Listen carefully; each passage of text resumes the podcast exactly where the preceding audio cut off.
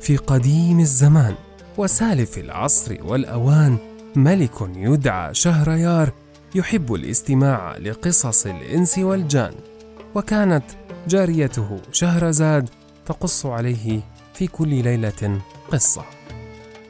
هذا بودكاست ألف ليلة وليلة.